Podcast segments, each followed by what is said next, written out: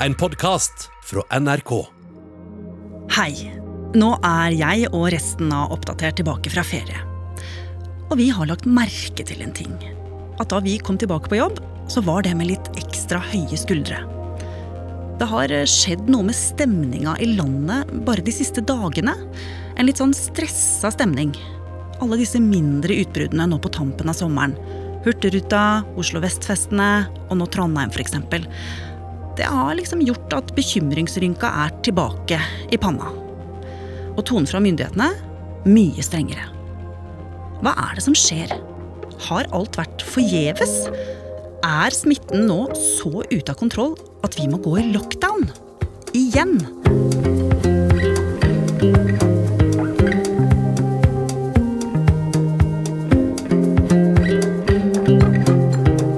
Du hører på Oppdatert. Jeg heter Ragna Nordenborg. Jeg tror at du som er ung tenker at viruset ikke rammer deg. Men det rammer deg òg. Og det rammer de du bryr deg om. Og du kan være smitta uten å vite det. Hvis du lar være å teste deg og sprer smitte, så setter du menneskers liv i fare. Så det handler om deg og livet ditt, og det handler om liv og død. Ja, Helseminister eh, Høie bruker jo veldig sterke ord. Han er kanskje på det sterkeste, høyeste volumet fra han. Men det er mange andre som gjør det akkurat eh, nå, hever den eh, pekefingeren. Og så er det utrolig mange som er skikkelig, skikkelig sinte. Halvard Sandberg er journalist i NRK Nyheter. Og han har dekka korona siden pandemien brøt ut. Og det er jo ikke bare kjeft og eh, ikke gjør det vi får nå, vi får konkrete ting. Sånn som munnbind. Bruk munnbind når det er eh, for trangt. Og eh, dette ikke reis dit du hadde tenkt å reise til høsten. Hold deg unna utlandet, og i hvert fall de landene som er røde. Ja, har vi feila, Halvard? Altså, disse innstrammingene vi får nå, er det et tegn på at vi får en ny bølge og må gå i lockdown igjen? Jeg har egentlig ikke lyst til å komme med noen konklusjon om det, men vi kan kanskje prøve å forstå hvor vi er, og da må vi tilbake til vårparten, da strategien ble lagt. Det nye viruset som er oppdaget i Kina, smitter mellom mennesker. Det bekrefter kinesiske myndigheter. Verdens helseorganisasjon frykter at viruset skal spre seg til andre deler av verden. De har nå innkalt til krisemøte.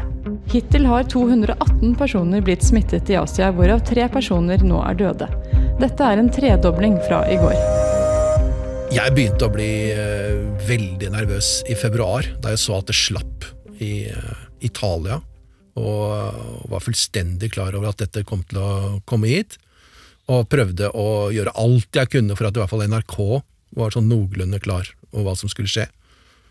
Det jeg ikke så da, fordi jeg er ikke vant til å dra på skiferie til Alpene, var at vi kom til å få en enorm last av smitta folk inn til Norge, som da gjorde at tallene plutselig, plutselig så kjempedramatisk ut. Og det var eh, første uka i mars. Da kom krisestemning. Da virket det som vi hadde totalt ukontrollert smitte i hele verden. Og det kom saker om at det, Norge lå på fjerdeplass i verden, for sånn så tallene ut. Og vi hadde ikke kontroll på det tidspunktet, fordi det foregikk smitte i befolkningen som vi ikke visste hvor kom fra. Og det er liksom signalet i epidemiologien, at det, nå er vi inne i en ny fase, og den var vi da, i første uka uh, av mars. Og det som foregikk da, som vi bare ante konturene av, var jo disse intense møtene mellom direktorat og Folkehelseinstituttet og eh, regjeringen om hva i alle verden skal vi gjøre, og hva er politisk mulig å gjøre. Og det er jo kjempespennende hva som faktisk skjedde da, men resultatet ble at vi skulle gå inn i noe som viste seg å bli det såkalte The Hammer and the Dance. Og nå kan vi jo høre på hva du sa i episoden vår eh, fra mars om The Hammer and the Dance. Hammer and the Dance den eksisterte ikke før Kina viste at det gikk an å gjøre det. Nemlig at du tar en kjempesvær hammer og så slår du ned sykdommen med alle mulige tiltak du kan finne. Og så etterpå så slåss du mot viruset. Slåss slik at det ikke skal komme seg opp igjen. I lang tid, i lang tid, inntil du får en vaksine som kan gjøre jobben for deg. Men vil ikke smitten bare komme tilbake om og om igjen, og så kan du risikere at det samme skjer? Du får en, et nytt utbrudd? Det er jo ulempen med det å slå ned smitten. Da. Det er jo som å slukke en liten del av en lyngbrann, og så brenner overalt, men du har liksom det tørre gresset ditt. Du har liksom 15 kvadratmeter med tørt gress som du står aha, her brenner det ikke, og så brenner det absolutt overalt. Så kommer det masse gnister hele tiden. Ja, da må du løpe og slå ned de gnistene. Du kan jo sikkert greie det, du. Du står der på 15 kvadratmeter med tørt gress, så kommer en gnist. Den tok jeg. Den tok jeg. Den tok jeg. Og når alt er over, alt er brent ut, så står du da med 15 kvadratmeter tørt gress. Fordi du har stått der og slått ned gnister hele tiden. Og det er det som er dansen? Det er dansen. Men det som trengtes av oss uh, som samfunn for å få dreis på denne hammeren, det var ikke småtteri. Store deler av Norge stenges ned. For en time siden ble de mest drastiske tiltakene i fredstid iverksatt for å kjempe mot koronaviruset. Norge blir satt på en stor prøve. Både som samfunn, men også vi som enkeltmennesker. I denne perioden som vi har foran oss, vil alle få en annerledes hverdag. Disse tiltakene som vi nå kommer med, er noe av de aller sterkeste som vi har i verktøykassen. Men dette er en dugnad som vi er nødt til å ta i fellesskap og vi gjør dette i håp om å stoppe viruset. Jeg tror det kom som et skikkelig sjokk på de aller fleste, også for meg, hvor omfattende det egentlig var, hva det egentlig innebærer. Bare det ikke kunne gå til frisøren. Folk hadde ikke tenkt på det, men det virket. Det derre pang ned mot smitten. Det virket. Det har virket utrolig bra. Det er mange som har blitt eh, takka for innsatsen i denne tiden. Og jeg mener at det nå er på høy tid å takke ungdommene våre, for de har ofra mye. Som voksne snakker vi om eh, neste sommer, men eh, neste sommer det er for middelaldrende menn som kjøper karbonadedeig og dopapir på tilbud. Neste sommer fins ikke når du er ung.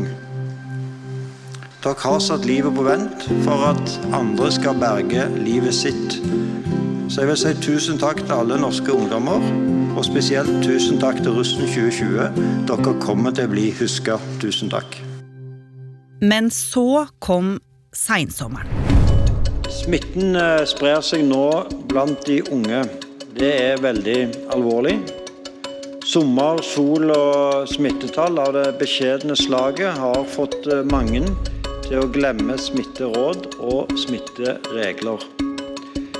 Det ser ut som eh, unge i 20-årene har glemt rådene og reglene litt mer og litt oftere enn andre. Mange av de blir eh, smitta på fuktige fester med altfor mange folk og altfor lite avstand. Hvis smitten øker mye, må vi stenge landet igjen. Men alle disse utbruddene vi leser om i avisen daglig nå, det skaper jo veldig mye redsel og krisestemning. Men skal vi hisse oss opp over dette her, eller ikke? Dette er som eh, forventet, det bare det kommer litt seinere enn det kanskje myndighetene hadde trodd. Vi er inne i dansen eh, nå. Det er slik det er planlagt at det skal være, men det kan kanskje være slik at det, jo, du planlegger for å gå til krig, men så har du egentlig ikke sett for deg nøyaktige detaljene i krigføring, og så blir du sjokkert. Jøss, ha, de har jo bomba hele byen! Det er sånn vi ser nå. Plutselig er det massevis på Hurtigruten. Ja da, det er en del av dansen, det er lokale utbrudd, det er slik som, slik som kommer det, men du blir likevel sjokkert når det plutselig er der, på forsida av avisen. Hele Hurtigruten. Men hvis dette egentlig var en del av Norges strategi, hvis helsedirektøren, regjeringen, Folkehelseinstituttet bestemte seg for dette her allerede i våres, hvorfor er det en del myndighetspersoner og, og mange andre som er så sinte og overraska da? Hvordan ville det vært hvis helsedirektøren hadde sagt at eh, ja, dette her var som forventa, og ikke sagt noe høyere, og ikke gjør ministeren det heller. Spiller de et spill? Jeg er journalist i NRK, jeg skal ikke si at eh, politikere og myndigheter spiller et spill, men det virker for meg å være en del av dansen, det. Nå er det slapt, og nå er det mye som skjer, og så hever vi stemmen til at alt blir borte igjen, sånn som du gjør med barn.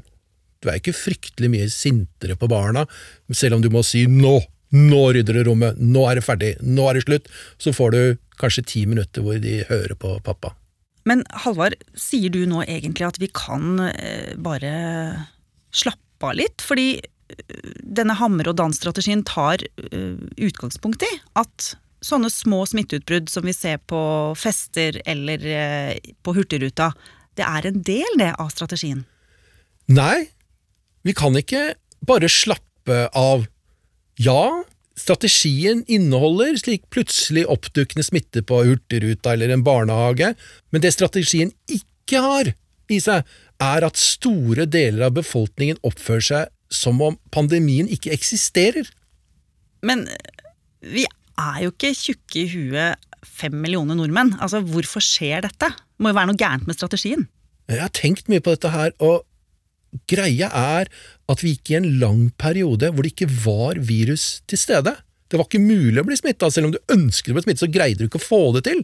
Du kunne stå på Karl Johan med en 50 kilos sekk med småstein og kaste i huet på folk hele dagen, du ville ikke treffe én som var smittet. Vi spilte russisk rulett hver eneste dag med alle festene våre, men det var ikke noe skudd i den sylinderen. Det var ikke mulig å bli skadet. Men sånn er det jo ikke nå. Nei, nå er den revolveren ladet med en viruspatron. Og hvordan skjedde det? Vi nådde peak slapphet samtidig som vi åpnet opp for reiser til utlandet. De to tingene samtidig gjorde at vi plutselig fikk et helt annet bilde. Så nærmer vi oss en ny lockdown? Jeg vet ikke. Vi kan det. Tallene de neste par ukene vil eh, vise om vi virkelig har bæsja på leggen, at vi ikke har greid å følge med på dansen, at vi kunne ikke stegene, fulgte ikke med på musikken, var helt bøng i huet. Og så kan det gå kjempegreit, at systemet virker.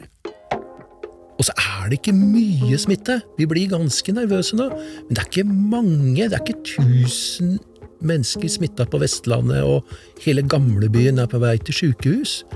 Men vi er fryktelig oppmerksomme, og så må vi se de neste par-tre ukene hvor disse tallene går.